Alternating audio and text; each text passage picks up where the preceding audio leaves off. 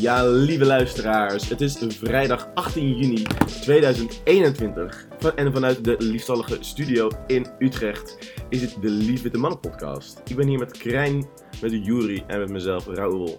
En eh, in deze grandioze aflevering eh, gaan wij het doen over Euro 2020. De impact, de, de, de, de naming eh, en eh, überhaupt een beetje over voetbal. Je En kent gewoon ons. het hele feestje daaromheen. Gewoon de gezelligheid. Alles wat het Dan gaat, omheen. er worden heel weinig wedstrijden besproken in deze podcast. Maar ja, en heel veel niks randzaken. gekeken, dus hoe kan je nou... Ik heb vier. Eh, vier keer, eh, meer, ongeveer anderhalf uur van mijn leven, niet verpest, maar wel gespendeerd. Met het kijken van voetbal. Dus ik denk dat ik eh, zeker, zeker een recht van spreken heb. Jij bent zeker goed op de hoogte van het actuele voetbalnieuws, zie ik wel weer. Daar Zeker. zijn we hartstikke blij mee. Voetbal. Voetbal. Dus de regels zijn niet veranderd in tussentijd. Nee, dus dat is- dat is dan zo makkelijker. Niet?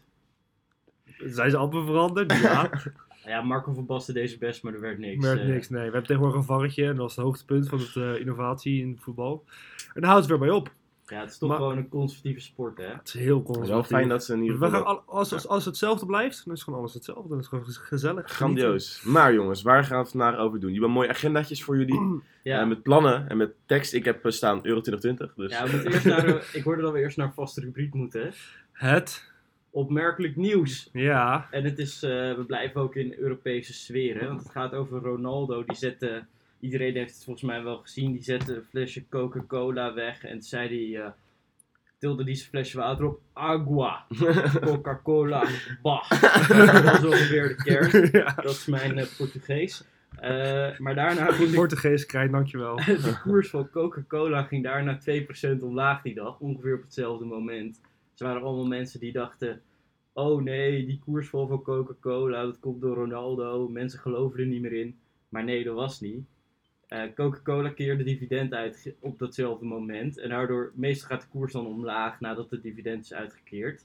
Eh, dus dat is wat er aan de hand was. Maar als jij op het Nederlandse Twitter hebt gekeken op het huidige moment, dan zag je ook iets heel anders. Dus weet je de echte aard. Dan weet je de echte aard van dit huidige probleem. Op Twitter eh, stuurde ene Reisha Blommestein, een hele lieve meid, een eh, rechtsfilosoof Oh ja, van, Reisha. Van de Universiteit Ja, eh, Leiden. Ze is vrij rechts, ook wel extreem rechts. En ehm, zij stuurde na de Try to be less white campagne van Coca-Cola, is zij acuut gestopt met het drinken van Coca-Cola. En drinkt ze nu nog alleen maar Pepsi. En vanwege die grote stap en haar grote bereik die ze heeft natuurlijk om aan te kondigen dat zij geen Coca-Cola meer gaat drinken, is de hele koers in elkaar geklapt als je Twitter moet geloven. Oké, het was En ik geloof eh, dat graag. Het was mij even ontgaan, maar klinkt plausibel. Ja, Ik denk dat, Dat logisch, ik denk dat het een logische verklaring is dan of Ronaldo of zo'n rare zaak als een dividendsuitkering. Wat, wat, wat, wat, wat, wat heeft dat met aandelen te maken? Ja. even realistisch zijn. En wat is gewoon zo- nou voorbereid? ja. Niemand die kent voor die bereik? kerel, joh. Niemand kent- Niemand kan verstaan. eh. En wie gaat er nou naar de persconferentie van hem kijken? Terwijl iemand op Twitter die een klein fotootje post met een leuk berichtje erbij. Ja, dat, is, dat breekt In alles. In het Nederlands. maar je kan het gewoon vertalen binnen Het wereldtaal, hè. Elk continent zijn er wel mensen die spreken. Ja, Dat mooi. zeker. mooi. Fantastisch. Maar eh, nu we ons opmerkelijk nieuws afgetrapt hebben, kunnen we gelijk beginnen met een mooie podcast weer. En laten we eerst even een updateje doen. Wat vonden wij van het Nederlands elftal? Krijn, wat vond je ervan? Je hebt eh, twee wedstrijden gekeken. Je hebt zelfs nog de eerste wedstrijd op een heel speciaal moment gekeken. Ja, een de- speciale plek. De eerste Kan je het even uitleggen alsjeblieft aan de luisteraars? Nederland-Oekraïne, voor degenen die het gemist hebben. Die heb ik gekeken in de NOS-studio van eh, Studio Europa. Dus dat, dat was heel keurig verzorgd. Kreeg ik daar allemaal biertjes, gewoon gezellig. Heb ik Theo Jansen nog een beetje zien lullen. En ik heb ook Frank Lammers eh, zijn EK-lied over Frank de Boer. heb ik ook nog zien, zien eh, ja, Performen. Als je die aflevering kijkt van, volgens mij was het 13 juni, op eh, 40 minuten 29 kom ik 1 seconde in beeld op de achtergrond. Eh, ik kreeg daar ook nog fame. eten, drinken. Ik kon gewoon rustig voetbal kijken. Ik zag Theo Jansen en Frank Lammers en ik kreeg daar ook nog 35 euro voor betaald. Eh, het voetbal was bijna net zo goed. nee, het was, eh, was heel mooi tot de 2-0. Toen het 2-2 werd, dacht ik van wat gebeurde hier nou weer? Ja, bizar. Maar eh, Denzel Dumfries is onze man tot nu toe en die trok het even over de streep. Ja, dat was onze held van, van dit huidige EK. Hij hij regelt het allemaal. Ja, hij maakte het ook even definitief tegen Oostenrijk. Dus eh, ja, ik ben vooral heel erg te spreken over Denzel Dumfries. De rest van de selectie eh, heeft zijn momenten. Ja, het is, het is nog niet heel sprankelijk het voetbal. Ik heb de wedstrijd van gisteravond niet gekeken. Ik heb wel de samenvatting teruggekeken. Hoezo heb je niet Ik gekeken? had betere dingen te doen met mijn tijd. Wat had je te doen dan? Ik had een parkborrel. Maar ja, hè? Schiet het er wel eens bij in. Dan wist je het wel eens. Ja. Maar ik heb wel een gevoel hoe de wedstrijd ging. Was natuurlijk weer niet om aan te gluren. ik, ik, voor mij, Maar gelukkig heb, heb ik hier mijn eh, lieftallige Raoul. Die heeft wel Onze natuurlijk de- voetbalkenner. onze voetbalkenner Raoul Haas. Hoger dan Jacob in de, in, in, in, de, in, de pool, in de pool nog steeds. Daarom. Dus, Raoul, wat vond jij van de wedstrijd gisteravond? Ja, ik vond het een prima wedstrijd. Je merkte wel dat, ehm, vooral ook in, contrast met die wedstrijd die Duitsland en Frankrijk speelden, dat Nederland toch soms enthousiast af en toe heel erg in elkaar kan zakken qua energie. Dan maakt ze domme foutjes. Dat tiki-taki voetbal. En dan net het laatste ding, dan gaat het weer te ver of te, of te vroeg. En dan weet je elkaar net niet te vinden. En de aanvallers van Nederland hebben altijd een beetje de neiging om eh eh, ego-momentjes te hebben. Willen eigenlijk nooit de bal afstaan als in de laatste, in de laatste 50 meter, nee, hoe lang, de laatste meters naartoe, zeg maar, naar, naar het doel. Zeg je ook weer. In de laatste minuut had de paard prima. Als hij gewoon afgegeven had, had hij gewoon een drie- de 3-0 kunnen maken. In plaats daarvan bleef maar stoeien met dat ding in zijn, klauwen. Als een, als een klein kind. Ehm, Oostenrijk vond ik best wel, best wel sterk. Die deed echt hun best. Voelde, voelde vol erop, enthousiast. Eh die had ook af en toe nog best wel een kansje gemaakt. Die had net eerder met geluk al die een doelpunt kunnen maken. En de 1-0 is eigenlijk ook wel geluk. Het is dat er een, de, dat er een VAR was. Dat, dat voetje op de lijn, ik heb het gezien wel, Ja. maar het is wel heel geluk hoor. Dat als, als je geen VAR hebt, wordt je gewoon niet gegeven. Nee. Oh, die penalty. Ja, Ja, die penalty. Ja, mooi versierd. Dat was ook Dumfries. Ja, dat was wel weer Dumfries, ja. Nou, ik denk dat Nederland het, eh, eh, de pool dus gaat winnen. Ik denk dat we de, de 16e finale doorkomen. En dan worden we uitgeknikkerd door of Portugal, Italië of Spanje of Duitsland. Of een land dat in ieder geval wel eh, een plaats verdient in de hogere finales, zeg maar. Zo. Maar Het je zijn uitspraken die je hier maakt, hoor. je Raoul. haalt ook Zo. even wat aan. Hè? En dan eh, vergelijk je Frankrijk en Duitsland met het Nederlands elftal. ja. En dan denk ik meteen... Ja, Kylian Mbappé of Wout Weghorst. ik weet al wie ik wil hebben hoor. In mijn nationale elftal. Ja, Ja, jongens, Wout Weghorst doet het keurig tot nu toe hoor. Ja. Maar, eh, het is 100% beter dan vorig jaar. Want vorige keer waren we niet bij, zeg maar. Was Ja, dat is waren we zeker niet bij het WK waren we niet bij. En bij het EK ook niet, EK 2016. Ook dus niet? nu mogen Oh, wij shit. weer deel uitmaken van dit Europese feestje. En dan gaan we, een pool- we gaan gewoon een pool winnen, hè? En dan hebben we ook nog En een dat is gewoon van heel goed. Heel goed voor een land dat nummer 30 staat of zo in de, in de wereldranglijst van nee, voetbalteams. volgens mij staan we wel hoger, want Oostenrijk staat al op 23. Oh, dat is wel heel veel voor Ik Oostenrijk. kan me niet voorstellen dat we lager staan dan Nou, dat. België is nummer 1, dus die ra- rankt er gewoon niet heel veel. eh. Volgens mij is Duitsland nummer 1. Duitsland, maar prima. Ja, het maakt me ook gereed uit wie de nummer 1 staat. Het gaat gewoon gewoon om, nee, dat is gewoon lekker, we doen weer mee. Maar we zijn er gewoon weer bij, gezellig. ik dacht dat we vandaag niet over voetbal zouden hebben, alleen maar over netvoetbal. Maar nee, maar kijk.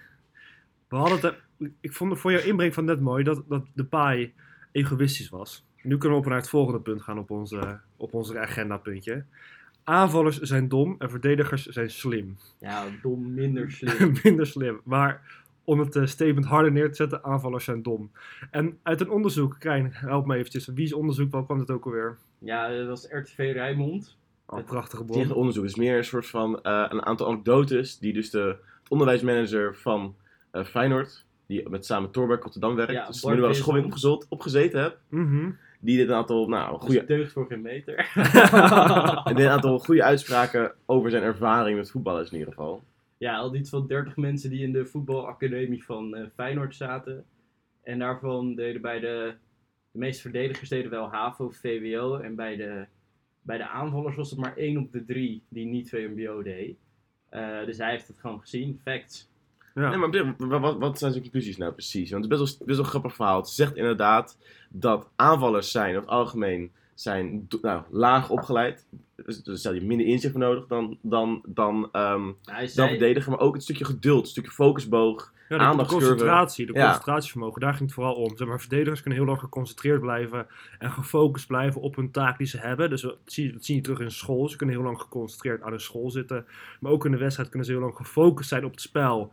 En weten wanneer ze, eh, wanneer ze scherp moeten zijn. En, en juist heel goed onder de knie hebben van eh, wanneer moet ik wat doen. En heel taakbewust kunnen spelen. Terwijl aanvallers zijn juist heel creatief, maar daardoor ook heel ongefocust af en toe. En En dan, impulsief ook. en impulsief ook juist. En daardoor kunnen ze ook niet zo heel scherp spelen. En daardoor zijn ze ook niet minder, minder in school. Ja. Want ze hebben juist helemaal geen concentratievermogen om juist lange, lange tijd bezig zijn met hun schoolactiviteiten. En dat punt dat je dan ook maakte, dat eh, een, dus in de Nederlandse verdediging die moest halverwege gewisseld worden. Want welke speler was het precies? ja, dat was in 2010. Dat was John Heitinga. Dat was Oh ja, die was dermate laag opgeleid. Ja. Dat hij dacht van, nou, die heeft halverwege is zijn concentratie weg. Ja, En dan moet, en dan gaat hij zo gore fouten maken in het 16 meter gebied. Het zou ook kunnen zijn dat dat was omdat Johnny Heitinga toevallig een Ajax-speler is en die man vuistdiep in Feyenoord zit. Ik ik vind Eh, het heel Ik raar eh, aanname vind dit een jou, hele eh. bijzondere aanname. Krijn, hier gaan we graag niet op in, deze, Want, eh, deze in die mogelijkheden. tijd stond hij naast eh, Joris Matthijssen. Dat is een eh, goede Feyenoorder, dus dat is gewoon een goede voetballer. Ja, maar die, eh, die gaat nog minder hard dan mijn oma, zeg maar. Nou, ik denk dat, dat wel, ik denk, ik denk dat dit, Die zat Geen- niet op de brommer. Dat Die zat zeker niet op de brommer. hoog en figuurlijk, eh, Maar gelukkig speelt Nederland ook lekker verdedigend dat, w- dat WK, dus dat hoeft ook niet te veel te rennen. Nou, dat is dit. eh, Net als dit WK. EK. Poorten dicht en gewoon zitten op je, zit op je 16. Ik vond het ook grappig, ja. Want je hoort altijd als je naar Italië kijkt, dan hoor je het standaard cliché commentaar. Oh, daar heb je Chiellini. Die is doctorandus in de economie. Mhm. En dan gaan ze altijd weer dat lulverhaal opzetten over dat Chiellini eh, een master afgerond heeft in Turijn. Dus ik vond het wel herkenbaar. En we konden geen aanvallers vinden die... eh, Nee, maar wel meerdere verdedigers die een eh, master. Vincent Company, een Belg, groot Belgisch voetballer, die heeft ook heel veel gespeeld bij Manchester City. Heeft bijvoorbeeld ook een Master of Business Administration gehaald aan de, univers- aan de hogeschool van, of de Business School van Manchester. En eh Glenn eh, Johnston van Stoke City, het legendarische Stoke City, die heeft eh, ook gewoon een, studie in wiskunde afgerond. En daarmee, daarmee zagen we eigenlijk in die lijst, er zijn veel meer verdedigers die een universitaire studie hebben afgerond dan aanvallers. Ik weet wel dat Kai Sierhuis, oud-spits van Ajax, FC Groningen, nu ergens in Frankrijk, dat hij VWO gedaan heeft en begonnen was met economie studeren. Maar toen toch te druk was met voetbal, dus dat nog niet afgerond had. Eh, dus eh, ja, je hebt ook Ja. gewoon aanvallers. Maar Ik, wil nog, nog één uitzondering op de regel dan. Robert Lewandowski, die heeft ook nog een master afgerond, master sportmanagement. echt, En heeft hij zijn scriptie geschreven over zichzelf. Over Serieus? hoe hij een, eh, een sportmerk is en hoe dat gemanaged moet worden. Heeft hij een hele scriptie over maar in geschreven. Polen heb je toch sowieso dat echt een belachelijk groot deel van de, van de bevolking hoog opgeleid is. Dat zou zomaar Ik heb er wel eens een stuk over gelezen dat in Polen echt iets van 40% van de mensen hoog opgeleid is. En dat er helemaal niet zoveel hoogopgeleide banen zijn. Nee, dat- mensen ja. in allemaal rare banen. zie je bijna een over het Oostblok. Want de, over, wat de universiteiten zijn eh, niet het niveau van Nederland, eh, iets hoger aan HBO. Maar zijn wel heel aanwezig, heel goedkoop en prima. Maar ja, die, dat, is, met, dat, is- dat is sowieso in landen waar onderwijs geen, eh waar, geen tekort onderwijs hebt. Dat is heel veel onderwijs, je gaat lekker door on- onderwijzen, zeg maar. Nee, dan heb je geen baan. Amerika is hier precies tegenovergesteld. Te weinig opgeleide mensen, die on- omdat fucking opleiding kankerduur is. Oh, oh, oh, oh, oh. Sorry, die- sorry, die, die, die knippen eruit. Ja, Blijf scherp, vrouw. Zo, maar over het Oostblok gesproken. Weet wat is jullie favoriete speelstad? eh, Ik vind? Sint-Petersburg een eh, mooi stadion hebben. Maar Eén Dus- stad. één stad die er bovenuit steekt is eigenlijk wel Baku. De veiligste stad van De Europa. veiligste stad De- van Europa. Politiek stabiel ook. aan. De meest, Ja. de beste, wat, wat, stond, wat stond de website die aan het voorlezen was? Sociale inclusie, belangrijk is Ja, voor Baku. Sociale, maatschappelijke, dus eh, zeg maar sociaal-maatschappelijk verantwoord en duurzaamheid staan bovenaan het lijstje voor, eh voor eh, Wel Baku. prachtig om te horen dat zij eh, bovenaan staan. Ook politieke stabiliteit was ook heel belangrijk voor de keuze voor Baku. Ja, ze hebben al 30 jaar dezelfde president. ja, dat is wel heel politiek stabiel als je al 30 jaar dezelfde man aan het eh, roer hebt. En ze hebben bijvoorbeeld ook geen oorlog gehad in de afgelopen zes maanden.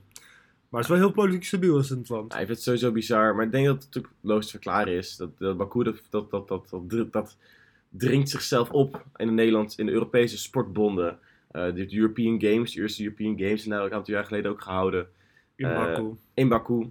Eh, dit, dit evenement gaan er ook gewoon door. Maar ja, ze hebben gewoon centen zat. Ze ook- Niemand komt er naartoe. Ze hebben een enorm toeristisch centrum gebouwd. Met het idee, we zijn een fantastische Kaspische zeestad. Niemand heeft, heeft de zin om aan de andere kant van de wereld te vliegen. Voor een dictatoriaal rot, rotstadje ergens in de middel Ze van de hebben ook oliegeld. Dat is Ze het wat ze hebben. Ze hebben heel veel Kennen oliegeld. jullie, Ze die een serie, te gooien, zeg maar. Kennen jullie de serie Reizenwaas? Ja, Met Tom. Die ging ook een keer naar Azerbeidzjan. En eh, nou ja, al heel raar dat hij zo'n guide kreeg die hem de hele tijd begeleidde. En hij mocht niet alles zien en zo. En overal was olie. Ze reden die stad uit. En er stonden alleen maar van die ja-knikkers. Echt gewoon rijen lang. Eh, het hele land staat er vol mee. Het hoogtepunt van Azerbeidzjan was een soort van gat in de grond en daar loopt gas uit. En dat is waarschijnlijk ooit gaan branden door een is- dat, is- blikseminslag. dat, is- dat is een Turkmenistan. Dat Nee, gat nee, nee, dat is, dat is ook in Azerbeidzjan. Je ook in Azerbeidzjan, ja. Dus ze hebben daar ook gewoon een gat in de grond waar gas uit loopt. En dat fikt, dat is het hoogtepunt van Azerbeidzjan. En daarom is het eh, het land van het vuur. Ja, en daarom, ze hebben ook in een, in een stad een hele grote, een, een, een soort vuur, een, een vuur gemaakt, zo'n vuurkorf, zeg maar. Dat is een gebouw, dat zijn echt allemaal, allemaal vlammen zijn, dat zijn maar zo is het gebouw, het is een heel bijzonder ding. Maar daarom is ook de stad van, het land van de vuur, ja, het is een heel bijzonder. Maar zo raar. En dan ook eh, ja, de UEFA. En dan wordt er nu zo heel, heel erg eh, hoog van de toren geblazen over Qatar en zo door voetbal. Nou ja, door voetballers de laatste tijd. En dan gaan ze naar een land dat net, net klaar is met een oorlog die ze gevoerd hebben met een Ja, en een hele ongezellige dictator die ook gewoon alle, alle helmen van de soldaten die hij vermoord heeft ook graag eh, exposeert in zijn hoofdstad. Heeft hij gewoon een hele galerij van gemaakt van alle helmen van de soldaten die hij heeft vermoord. Hij is ook gewoon veel te trots op zijn oorlogsmisdaden. Het is gewoon een hele rare dicta dicta dictator in het land. En wij als Europese voetballers, ah, dat vind ik allemaal niet zo heel lastig. Ze hebben het geld in het laadje gebracht, ze hebben een leuk stadion. Hotelletjes verliep waarschijnlijk ook wel prima. Dus ze vliegen daar gewoon met liefde heen. Dat is dan zo absurd, maar die, die hypocrisie ook wel af en toe dan. Zeg maar, een, een, een mooie oliedollar, een, een mooie, mooi land met olie, heel veel oliedollars, daar zijn we heel blij mee. Ik denk niemand, ik Maar als je naar Qatar ik denk gaat, is niemand oprecht blij is met Azerbeidzjan. Net als Qatar niemand blij is. Maar dat is een compleet nou, economische keuze geweest. Gewoon belangen, bel- een belangenkeuze. Ja, brengen gewoon heel veel geld op Azerbeidzjan probeert een Qatar, een Qatar te, te, te, te, te poelen eigenlijk. Die deed met hun oliegeld een toeristische ehm, bestemming te worden. En net zoals Qatar en eh, eh, de Verenigde Arabische Emiraten gaat het eventueel heel kort termijn lukken. En als de olie op, of in ieder geval heeft de wereldeconomie minder olie nodig. En dan vervalt, vervalt heel lang weer tot armoede. Mark my words. Nou, ik ben benieuwd. Dat, maar ja, eh, ja, maar we eraan? Hè? We doen er niks aan. Voetbalbelang is gewoon, dat is een ding. Dat is de reden dat, de, dat, dat Formule 1 ook in Zandvoort is gekomen. Gewoon Omdat de dat, Formule 1 ook in Baku rijdt bijvoorbeeld. ja, maar god, hier geld is. Ja. Geld maakt alles in Je weet, je, weet, je, het zijn jouw woorden, Krijn. Geld is een superpower. En Baku heeft heel veel superpower. ja. En geld stinkt niet, ook en een hele heel leuke uit. geconcentreerde superpower Ja. helaas. eh. Zeker. ja, je zou toch hopen dat het bij zo'n sportief toernooi dat er dan meer onder ligt. Dat er andere dingen belangrijk gevonden worden. Zoals bijvoorbeeld, nou ja, je ziet hoe dat, het is een beetje is rampzalig wat er dan gebeurt met Christian Eriksen. Maar hoe dat dan tegelijkertijd ook verbroedert eh, Ja. onder al die landenteams. En hoe dat, ik dacht nog even, gaan we hier niet over praten. Maar eh, het komt natuurlijk toch naar voren. Mhm. wat voor invloed dat heeft op al die selecties. En eh, er zijn meer voetballers die daar last van hebben gehad en die kennen hem allemaal persoonlijk. Dus het is wel heel fijn om te zien dat hij gewoon bij is gekomen en dat dat eh, goed is gegaan. Ik word er een beetje stil van. Het is altijd schrikken. Ja, het was een heel abrupt moment gewoon. Hij viel in één keer in elkaar gewoon in die wedstrijd. Ik heb het niet gezien, maar was het echt te zien op het scherm ook? Het was Ja, het te ja. zien op de scherm en die regie heeft het ook niet. Het heeft heel lang nog erop gefilmd, zeg maar ook. Om, volgens mij heb ik gehoord. Over dat ze nog heel lang in duidelijk een zicht op gehad dat hij ook gereanimeerd is op het veld daar. Dat is Ja. een best wel heftig verhaal, ook gewoon het hele stadion. En, dan, en daarna hebben ze alsnog gewoon die wedstrijd uitgespeeld. Dat was ook, eh, uiteindelijk verlo- verloren die Denen zelfs ook nog die wedstrijd. Dat was best wel heftig voor ze natuurlijk. Ja. Het is ook, was ook raar om te horen dat de UEFA maar twee keuzes gaf. Van jullie Ja. kunnen of nu spelen of morgen om 12 uur. Terwijl je ook, wel zeggen, ja joh, drie, doe dan maar die drie punten naar Finland en dan zien we het wel. Ja, Ja, maar blijkbaar had die Christian Eriksen ook gezegd, speel, speel, speel dan maar uit joh. ja. Ja, mm, misschien wel. Voor hij ook zoiets gezegd. Maar ja, het is, een, een raar verhaal. En dan zie je ook weer gewoon het, het sportieve. Het moet altijd doorgaan. Het moet doorspelen. Bijvoorbeeld in de, bij Frankrijk, die Pavard, die was ook even knock-out ges- gesla- geslagen in een botsing. En die, die heeft ook gewoon een minuutje op het veld gelegen. Maar die, moest, die ging ook gewoon door uiteindelijk. Ik denk dat in sport is er natuurlijk heel veel ruimte voor menselijkheid, verbroedering. Uh, maar ik denk vooral grote sportevenementen is het toch zijn gewoon de financiële, politieke belangen die uh, veruit, belang veruit groter. troef spelen. Uh, veruit dominanter zijn dan nou, deze emotionele uh, aspecten die vaak wel een beetje gebruikt worden. Ook als een soort van emotioneel sausje dat over het hele evenement heen, heen gegoten wordt. Ja, ik denk dat het wel meevalt en hoe, hoe het nou allemaal werkt. Ja, het is leuk voor een land zelf. Ook in heel veel landen wordt ook als, als, als, beetje, als, als politiek gebruikt, zeg maar. Ja, denk, Afleiding. voor Denemarken is wel heel verbroederend, zeg maar, als land zelf zijnde. En voor de spelers, bijvoorbeeld een Lukaku speelde gisteravond ook in Denemarken tegen, tegen de Denen. En je zag hem ook wel echt aangeslagen zijn, omdat het gewoon omdat het een ploeggenoot is. Ja, zie je ook gewoon meteen zo van, dit doet wel echt het spelen. Het zijn ook voetballers. Tuurlijk, ze verdienen eh, onwijs veel geld. Dus er, is een soort van onsympathie naar ze toe. Dat ze niet, nooit mogen klagen, gewoon moeten presteren. Omdat ze zo ontiegelijk veel geld verdienen. Maar het zijn ook gewoon mensen natuurlijk. En ze, ze, kunnen niet, ze zijn geen machines die onbeperkt aan kunnen staan. Ze moeten ook af en toe, ze moeten ook een menselijke kant kunnen laten zien. En ook gewoon menselijk kunnen zijn. maar ook als je kijkt naar eh Daley Blind, die was bijvoorbeeld ook aangeslagen. Maar die heeft zelf iets vergelijkbaars meegemaakt. Jarenlang met Eriksen gespeeld. Eh, kennelijk best wel goede collega's slash vrienden van elkaar.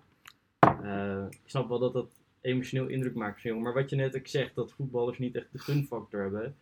Dat vind ik ook redelijk raar eigenlijk. Hè? Want er zijn maar, ik denk dat maar 10% van alle profvoetballers, misschien wel minder, echt rond kan komen van hoeveel geld ze ermee eh, dat, dat gunnen, ik denk dat het dus niet valt voor die eh, spelers van, eh, van, van, van, van eh, Excelsior die eh tering hard werken. Ik denk dat binnen zo'n vereniging, zo- zo'n club die van kleiner is, mensen die, waar, je, waar de connectie tussen, ehm, tussen ehm, eh, eh, fan en speler ook kleiner is, waar de, waar, waar, de afstand kleiner is, en elkaar beter kent, daar die gunfactor een stuk hoger is. En ik denk dat die nijd dan die, sommige mensen een beetje hebben tegen echte, de, de, de, de, de rijkste van, de, rijkste van de voetballers. Ja. En dat het een totaal andere wereld is. Weet je, wat men ook in het koningshuis heeft, dan die ook zit zo, nou, dat is zo zwaar werk. Ik vind, ja, maar ja, men- dus ik denk, denk niet dat men niet sympathiek is, niet on- onsympathiek is tegenover voetballers, dus hooguit. Het ook een soort van uit de hoogte doenerij van mensen, niet een paar voetballers die dermate succesvol zijn, dat ze ook een ego hebben, daarom niet meer Ronaldo mag. Ja, Wat gewoon in maar de dat lul is, eh, dat valt trouwens echt reuze mee met Ronaldo. Als je kijkt dat hij verder allemaal naast het veld doet. Maar als je kijkt naar mensen, inderdaad, die, doen, die benijden ze zo, maar die realiseren zich niet dat het, wat voor indruk het heeft op een gastje van 2,23 als ze in één keer midden in de spotlight staan en wat de drukker op zich gelegd wordt. Ja. Plus veel van die jongens kunnen helemaal niet omgaan met het geld. Eh, Er zijn legio van die verhalen zoals Andy van der Meijden en Glenn Helder. Die dan allemaal rare dingen gaan doen omdat ze in één keer veel te veel geld hebben. En nooit een omgeving hebben gehad waar ze geleerd hebben hoe je om moet gaan met geld. Eh, die hebben dan op een 2, 33ste een beetje de beste jaren van hun leven achter de rug. Eigenlijk niet zoveel verdiencapaciteit meer. Het geld eigenlijk verspeeld omdat ze veel te veel in één keer hebben gekregen. Het is best een aparte situatie. Ik zeg niet dat we het allemaal massaal zielig moeten gaan vinden. Maar hoe, hoe rooskleurig het soms geschetst wordt over hoe het leven van de voetballer is. denk ik van ja, volgens mij is dat helemaal niet zo tof. Oh nee, nee, dus heel totaal tof niet. leven. Nee, maar het is helemaal geen voetbalindustrie, is helemaal geen leuke industrie, man. Het is alleen maar, het is gewoon, het is gewoon, het is gewoon het is eindeloos veel commercie. Dat is heel, het draait het om, dat is het enige doel. Het is een doelloze activiteit, zero productief. Ja, het is Er wel gaat weer heel veel geld er rond. En dat is alleen maar verdien, alles moet, alles moet gewoon verdienen. Maar het is wel de enige manier waarop die jongens zeg maar, geld kunnen verdienen met een spel eigenlijk. Ja, ik e- ik ga e- e-sports gaan doen, streamen. Nee, maar überhaupt. Ik bedoel, als er geen commerciële dingen omheen zouden Ja, ja, zijn, maar zou je dat is niet niet- zoveel tijd Tuurlijk, aan dat je sport kunnen Nee, Het is besteden. gewoon niet erg, maar het vertrouwt op een gegeven moment wel een beetje aan, omdat het een on, on- beetje ongezellige wereld is, zeg maar. Die, die lui zijn pionnen, die worden rondgezet, er wordt een raar spelletje mee gespeeld. Eh, ze moeten een raar spelletje gaan spelen. Er is heel veel sponsorgeld in, omdat er gewoon heel veel mensen naar kijken, voor een van de magische reden. Ja. Ehm, en dat creëert gewoon een heel rare wereld met perverse prikkels. Maar ook voor die, die sporters, die worden in een, in een, in een soort parallel universum ge- getransporteerd. Waar de bedragen totaal anders zijn. Waar je collega's even jong zijn als jou. En even slecht met geld om kunnen gaan. Heel veel druk is van fans, van die andere mede mensen om je heen. Om alleen maar geld te verspillen, zeg maar. Eh, De paai die een, die, die een fucking... o- met, met, die een Rolls Royce rijdt met open dak, zeg maar. Als, als, als, als standaard auto. En Ja, het zal wel zijn dat, dat de voetballers, nou, voetballers zijn hoog opgeleid. Veel mensen komen echt uit een, eh, uit een lager, eh, zijn laag opgeleid. Eh, zoals ook al zeiden over waarom die Fransen een goed team hebben, is omdat armoe plus heel veel, voetbal, heel veel voetbalveldjes equals heel veel goede voetballers. Maar die hebben dus eigenlijk geen enkele andere kans. Dus het soort van, dat, is, dat is dus ook voor die lui nou ja, een heel rare prikkel om, dat, om het voetbal in te komen. En eh, dat maakt het ook, nou ja, met de competitie heel raar. Het is, het allemaal heel, het is heel raar voor die mensen. Dus die wereld is raar. Die mensen die erin zitten, die weten, niet, weten nog minder dan, dan de fans wat ze ermee aan moeten. En dat is fascinerend. Maar Ja. eigenlijk één, één grote perverse bende eigenlijk. Ja, jawel. Maar tegelijkertijd heb je, je hebt dus inderdaad dat verhaal. Maar dan tegelijkertijd ga ik toch ook weer even terugkeren naar Denzel Dumfries. Jij hebt je ook jongens als Denzel Dumfries die gewoon tot hun achttiende bij de amateurs gelopen hebben. Eh, die hebben geleerd dat het hard werken is ook.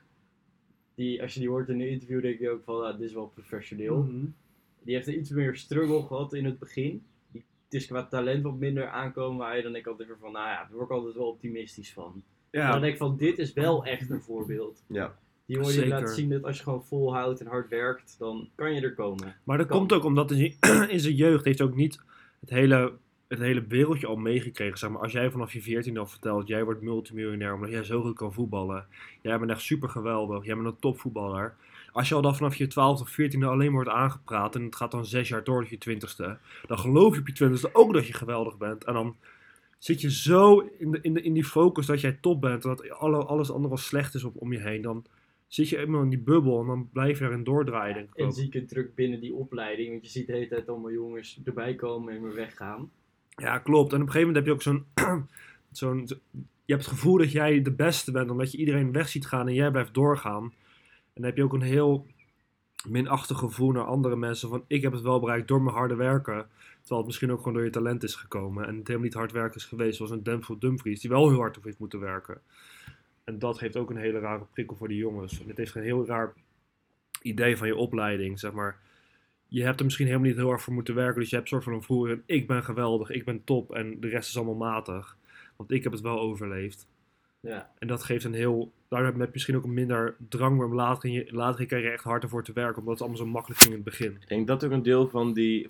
Ik denk dat ook een beetje die, die, die ongunfactor is. Die voelen ze heel veel geld verdienen. Want die claimen dan, ja, ik verdien allemaal. ik- elke cent die ik verdien, heb ik gewoon evenredig hard voor gewerkt. En dat is ook een soort onsympathie tegenover, nou ja, weet je, een soort van weet je, een wereldvreemdheid van die voetballers. En ook voor de andere voetballers, die mensen ook al kennen van eigen club, die mensen een beetje onsympathiek tegen is. ja maar mensen realiseren zich ook niet dat het een hele, het zeg maar een, eh, er is één PD als voetballer en dat moet echt gebeuren binnen die 15 jaar dat je actief Ja. kan voetballen. Krijg je misschien 5 jaar goed betaald.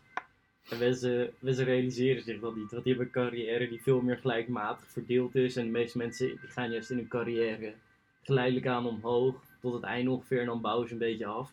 En Ja. deze jongens hebben, krijgen eerst één grote bult met geld, en dan komt er vaak niks meer. Nee, dat Eigenlijk is gewoon, eigenlijk, eigenlijk moet er heel, heel veel geld gewoon beheerd moeten worden. Zo'n soort, een soort dat je als club een soort pensioensysteem opzet voor zo'n speler. Fire. Ja, je Fire dat, je, dat, dat, dat de club voor jou zorgt dat je fire wordt voor de rest van je, van je Nee, dat leven. moet, ja, zo'n zaakwaarnemer moet het eigenlijk voor, voor je regelen. Ja, maar het is natuurlijk sowieso, als je dus in een, in een, in een, in een eh, sociaal-economische eh, status, eh, omgeving komt, en je gaat plotseling heel veel geld verdienen, dat trekt sowieso ja, je naasten, die hebben geen flauw idee wat ze mee moeten doen, die hebben ook geen ervaring, zijn even eens laag opgeleid en komen uit een cultuur waar misschien vooral het uitgeven heel belangrijk is, en niet het sparen. En dan trekt ook ontzettend veel loesje figuren aan die zich plotseling heel in goed één keer bij je melden hoi, ik wil je wel prima Ja, helpen hoor. ja, dat soort dingen. Maar over eh, voetballers die slecht met geld omgaan. Er zijn ook voetballers die goed met geld omgaan. Bijvoorbeeld eh, Ryan Babel. Wonder boven wonder is hij er niet bij, dit TK. Op het laatste moment toch niet erbij. Helaas voor Eh, jongen. Maar dat is ook een mooie, mooi Ah, ventje hoor. ja. Die Dus is daar ben je een goed eh, fan van, toch? Eh, sikke huisjesmelker. En die zit allemaal dingen te posten op Instagram. Dat hij een boek aan het lezen is over hoe hij zo min mogelijk belasting betaalt. En dan staat er nog net niet bij, belasting is diefstal. Ja, maar dat is toch ook geen goed die Pax voorbeeld. Volle, toch? Zo? Of, eh, Nee joh, was die kerel? Ajax, Galatasaray, Ja, ja. eh, Voetbal, Zandbak. voetbal van Turkije. Overal. Zandpak. Ja, gewoon, in, Zandbak. gewoon in de woestijn daar. Ah, ja, ja. In het oosten. daar, daar, in de, daar in de zandbak waar olie gewoon omhoog stroomt. Daar je het alleen met een schepje eruit moet halen en kan verkopen. Ja. Waar gewoon de biljetten uit de grond komen stromen. en dat al die sheiks niet meer weten wat ze moeten doen met al hun centen. Dat is gewoon overal aan het verpatsen. Die gaan, maar een stad, die, die gaan maar een voetbalclub opzetten. Die op gaan een EK zetten. Of een stad in een, op een 400 kilometer stad, eh, lange stad maken. Een kilometer breed. ja, hoog geniaal allemaal. Maar ja, die, Dat zien, eh, dan. die zien Ryan Babel en dan zien ze zijn cv en dan denken ze Ajax, Liverpool. Niet zoveel gespeeld daar, maar Ajax, Liverpool. Ja, Ja, dat moeten we hebben. die, die is vast een groot hoop geld waard. Maar dat is ook niet het voorbeeld hoor. Als jij gaat posten over belastingersdiefstal en al je Jawel, ik vind dat wel mooi. Het is gewoon een mooi onafhankelijke jongen, Ryan Mooi, ja. Maar nog even terug naar het EK. Ik vind het Wel. wel... telefoon gaat dus. Oh, ja, ik word gebeld. Maar eh, dat kunnen we wel verweigeren. Ik hoorde gewoon door de microfoon heen zoomen, zeg maar. Ik dacht, wat hoor ik allemaal? Gezoom. Maar ja, eh, voetbal jongens, rare wereld. Eh, het gaat heel veel geld aan om.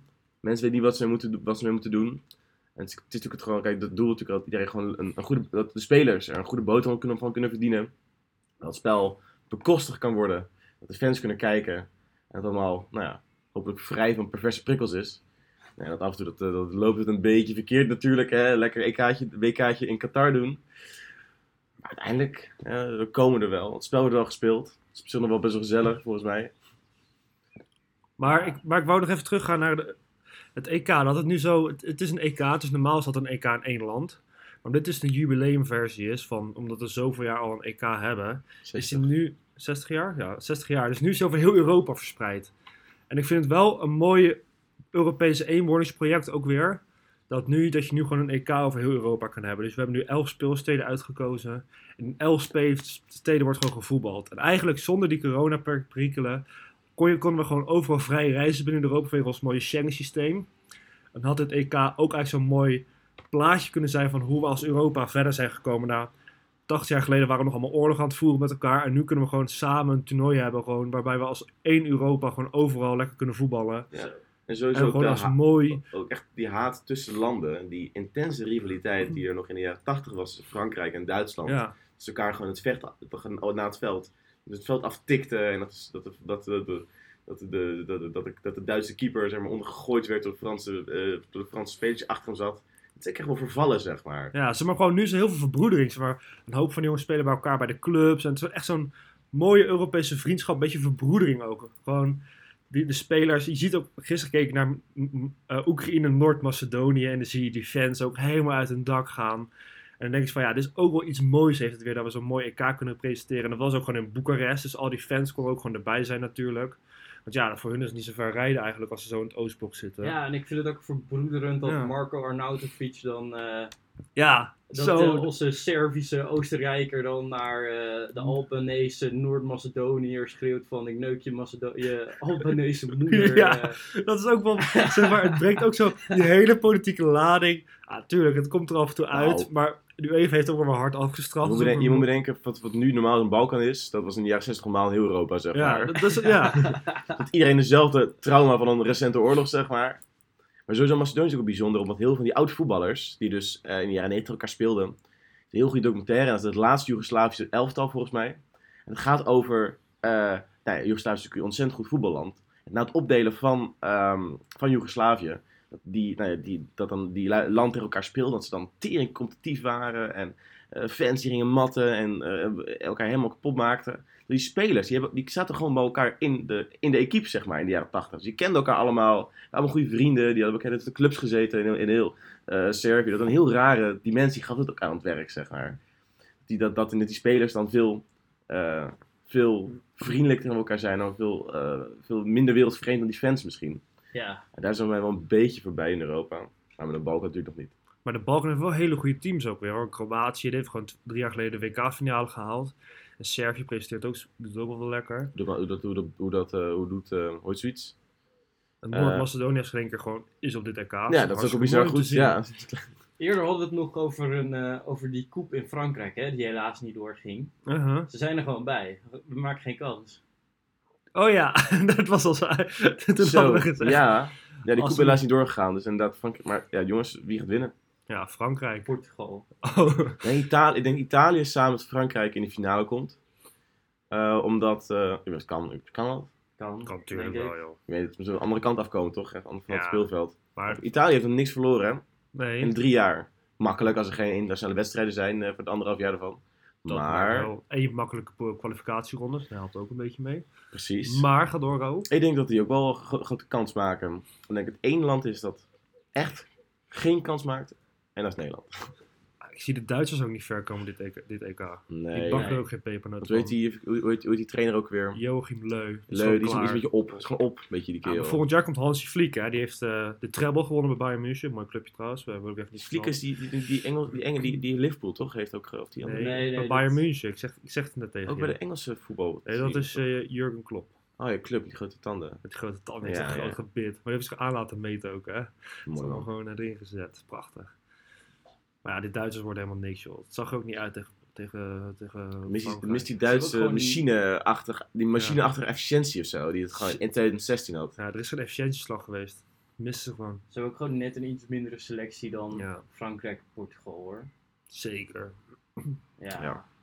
ja. het, wordt nog een, eh, het wordt nog een mooie EK denk ik jongens. En ik Maar- denk inderdaad dat Nederland hem niet gaat winnen. Nee, dat zie ik ook niet gebeuren. Achtste, achtste finale. Ik vond, ik vond het van de videoclip van de speld wel heel, heel toepasselijk voor dit EK. We komen tot de achtste finale. Dat is best wel balen. Maar het is wel gewoon het niveau. Dat klopt gewoon precies helemaal. Ja, en we hebben nog geluk gehad met de pool.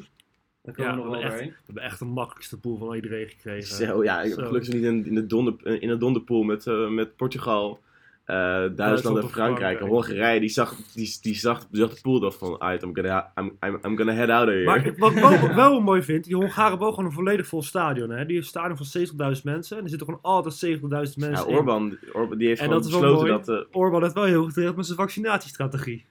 ja, Dat lekker wel eh, goed voor Sputnik elkaar. boys. Sputnik Boys die kwamen gewoon naar binnen Maar hoor. eh, ze hebben dus ook een hogere vaccinatie eh, eh, bereidheid dan bijvoorbeeld Rusland, waar nu tegen 40% of zo. Nou kijk, het ding is hè, binnen, die vaccins hebben over daar. Sputnik gesproken, binnen Rusland vertrouwt niemand het. Maar buiten Rusland houdt iedereen van de Sputnikis. In Kazachstan, daar, daar is Sputnik, iedereen daar in de steden is al gevaccineerd met een Sputnik-vaccin. Voor mijn Mongolië ook. Het is Ja. ook 100, meer dan 100%. Ja, eh, Mongolië heeft ook vanuit China allemaal medicijnen gehad, vanuit India heel veel AstraZeneca en zelfs nog vanuit de VS. Die hebben echt hun eh vaccin, vaccin, eh, vaccindiplomatie uitgespeeld. Ja. Sowieso, Mongolië, is een heel ander verhaal, is het, eh, heeft de perfecte strategische posi- positie. Want het zitten dus twee eh, grootmachten die elkaar... Landlocked, top. Top! nee, maar ding is, Lekker voor je economische ontwikkeling. dat maakt niet uit. Maar het is namelijk het is gewoon een groot stuk grond dat tactisch gewoon precies tussen twee grote concurrenten zit. Semi-concurrenten. ehm, die elkaar... Iedereen wil dit wel dan wel helpen, zeg maar. Maar het is best wel een vriendelijk landje. En je kan lekker, lekker, lekker... Zowel Rusland als China kan je mee naaien als je daar gewoon de dikke buddies mee bent. Een ander verhaal. Dus dat- Zeker. Maar de Hongaren hebben het ook heel slim gedaan. En daardoor hebben zij wel een mooi vol stadion. En dat is wel wel leuk om te zien. Hoeveel man er gisteren in de arena? De helft, de helft ongeveer. Nee, kwart volgens mij. Kwart? 15.000. Er mogen helemaal niet zoveel mensen in. Ja, dus, Nou dat, dus dat vertelt ook weer. Als je gewoon een goede vaccinatiestrategie had gehad. En een beetje goede diplomatie had geregeld. had je gewoon een vol stadion kunnen hebben. je, moet gewoon niet, je moet gewoon niet vaccins in de Europese Unie krijgen, zo blijkt. Zo blijkt. We hadden eigenlijk willen zeggen, Europese eenwording hartstikke leuk met het EK. Maar de Europese Unie? Nee. Ik vind het een heel grote uitspraak, jongens. Wij Eh, hebben oprecht een hele goede vaccinatiestrategie binnen de Europese Unie gaat gehad. hoor. hartstikke goed. We zitten in Nederland aan de 70%. Dan gaat hartstikke snel omhoog. En maar we hebben ook een ontzettend hoge vaccinatiebereidheid in Nederland. Ja, maar dat komt ook door het einde omdat Jongens, we genoeg dat we gingen hebben. Ja, dit komt er even Voetbal, we hebben tussendoor. nooit voetbal gehad, joh. Wout Weghorst die wilde geen Ik vaccinatie. had er geen En vaccinatie. dat is prima. Nou, dat is niet helemaal prima eigenlijk. Hij heeft wel een publieke functie. Je moet hem eigenlijk wel soort van beetje dwingen dat hij het wel gewoon doet. Keynesiaans. Een hokje, een hokje niet Keynesiaans, maar Kenia. Zoals jij verteld had, dat je gewoon als je, aan- als je, als je, aan- als, als, als je aankomt en je hebt niet al je vaccins op in je boekje staan, dan word je naar achter getrokken in een hokje en dan krijg je een flinke spuit in je arm. Misschien als we nog een wedstrijd in Baku spelen, dat we, dat, dat we nog zo'n tafereel krijgen. Hop, even in de achterkamertje, boem, boem, boem, alle vaccins er binnen, stempels in je boekje en dan Hoop deze betalen. Sputnik 1, 2, 3 op. Hoppatee. Jij bent Wout, jij dacht dat die Europese vaccins onbetrouwbaar waren. Hier heb je Sputnik in jou. we gaan het even testen bij jou. Dan zien we het vanzelf. Nee, la- laten we hopen dat het niet zo ongezellig is, zodat eh, individuele rechten gerespecteerd blijven. Nou, Ja, maar Azerbeidzjan trouwens is- speelt er niet mee, toch? Azerbeidzjan speelt helemaal niet nee, mee. je speelt helemaal niet mee. spelen toch in Baku wel. eh We Ja, spelen wel in wel. Baku. We spelen helemaal niet mee. Ra- Raoul, hoeveel Azerbeidzjaanse voetballers kan je opnoemen? Gurgen uh, Azerbeidzjanovic. eh, nou, exact. Dit is een reden waarom ze niet meedoen. ja. maar het enige, enige spel dat ze spelen is Armenië pesten. ja. Daar zijn ze wel verdomd goed in Ik denk dat ze hadden gehoopt dat ze als gastland gewoon mee mochten doen. Ja, dat is vier die regel, maar ja. Ze zijn één we die doen drie twee. wedstrijden en mogen we meedoen. Nee, ze doen er meer. Ze doen ook een paar kwartfinales voor. Ja, maar eentje maar. dat, ah, dat is dat is toch wel een wedstrijdje Ja, erbij. aansluiting, net zoals de Olympische Spelen. Nee, het het WK toen in Zuid-Afrika. Dat Zuid-Afrika. eh van Rihanna of zo. Nee, we doen het weer. Die heeft het nummer gemaakt. Dit, dit is Afrika. En het eerste ronde is ook gewoon uitgeknikkerd. Ja, dat is wel prachtig. Ja, maar ja, dat fair moet- enough. Maar ze, hebben, ze mo- mochten ze wel meedoen op het WK. Zo koop je gewoon eigenlijk je toegangsticket. Hoef je er niet voor te strijden. Maar eh, wil je afhandelen? Ja, prima. Nou, We zitten al in de blessuretijd. we zitten in de van deze blessuretijd van deze aflevering. We hebben proberen nog op te rekken naar een eh, mooie eindscore. Maar ik denk dat we een goed resultaat hebben behaald op, eh, met deze opstelling. De tactiek was goed, de strategie was goed. 5-3-5. 5-3-5. kan ook. We hebben, we, hebben leuk, we hebben leuk gevoetbald. 5-3-2. En we 5-3-2. herhalen het nog voor de mensen die nog hoop hadden. Jongens, we gaan eruit in de achtste finale. ja, maar ik wil vooral de luisteraar weer bedanken voor het luisteren naar deze prachtige aflevering van ons. Waarbij we alles weer besproken hebben, wat ons hartje te vertellen had. En eh, zeg ik graag tot de volgende keer. Tot de volgende keer. Joe.